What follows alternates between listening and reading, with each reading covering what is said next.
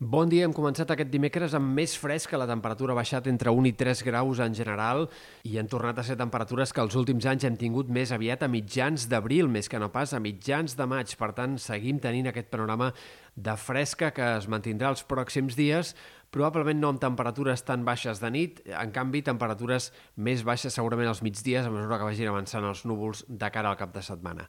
Eh, pel que fa a l'estat del cel, de moment avui predomini del sol, esperem algunes nuvolades, però si arriba a caure algun ruixat a la Catalunya central seran fenòmens bastant puntuals.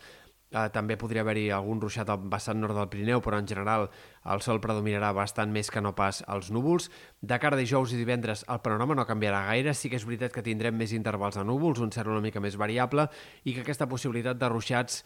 més aviat aïllats anirà en augment, encara que de moment de forma poc significativa. Aquest dijous Eh, els ruixats seran una mica més probables en aquests sectors de la Catalunya central. De cara a divendres podrien arribar també alguns punts del prelitoral, però sempre precipitacions bastant aïllades i bastant puntuals que també començaran a anar més una altra vegada en sectors del vessant nord del Pirineu. Quan és més probable que arribi una situació de ruixats una mica més destacable i més extensa és de cara al cap de setmana, entre dissabte i diumenge. La previsió encara és incerta, encara és poc clar quin serà el panorama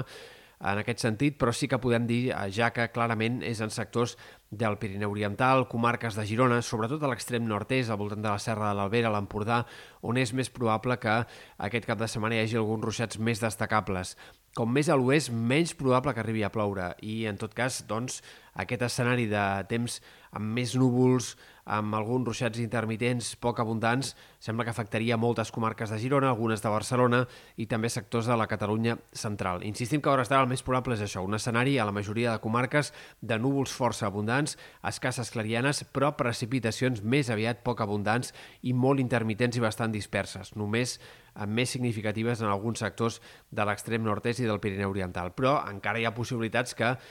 la previsió giri cap a una situació de pluges més abundants i més continuades. Això, en tot cas, ho haurem d'anar confirmant de cara als pròxims dies. La bona notícia és que de cara a dilluns, dimarts, dimecres, dijous, sembla que es manté la inestabilitat com a mínim al Pirineu i Prepirineu i que, per tant, els ruixats a les capçaleres dels rius sembla que seguiran caient, encara que no arribi eh, aquesta situació de pluges més extenses, més abundants, que hem arribat a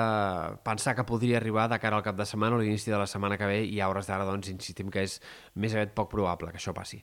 Eh, pel que fa a temperatures, els pròxims dies, com dèiem, l'augment dels núvols afavorirà migdies més freds, sobretot en comarques de Girona, Catalunya Central i sectors de la costa central, i per tant en aquest àmbit el dissabte i el diumenge al migdia l'ambient pot ser gairebé de principis d'abril més que no pas de mitjans de maig. Com més a l'oest més pujarà el termòmetre al migdia i més normal seran les temperatures per l'època. Sembla que a mesura que avanci la setmana que ve a poc a poc anirà tornant la calor i l'ambient una mica més de preestiu sense que tampoc però de moment en aquest tram final del mes de maig s'insinuï cap calorada important. I per últim hem de destacar també el vent que seguirà bufant de tramuntant avui amb ganes en sectors de l'Empordà, Pirineu Oriental, Terres de l'Ebre en forma de mestral. Els pròxims dies la novetat és que anirà girant cada cop més a gregal i això farà que, sense bufar amb ratxes tan fortes, es deixi sentir també en molts sectors del sud de la Costa Brava o fins i tot del Maresme i provoqui també mala mar en aquests sectors. Això passaria sobretot, sembla, de cara a divendres.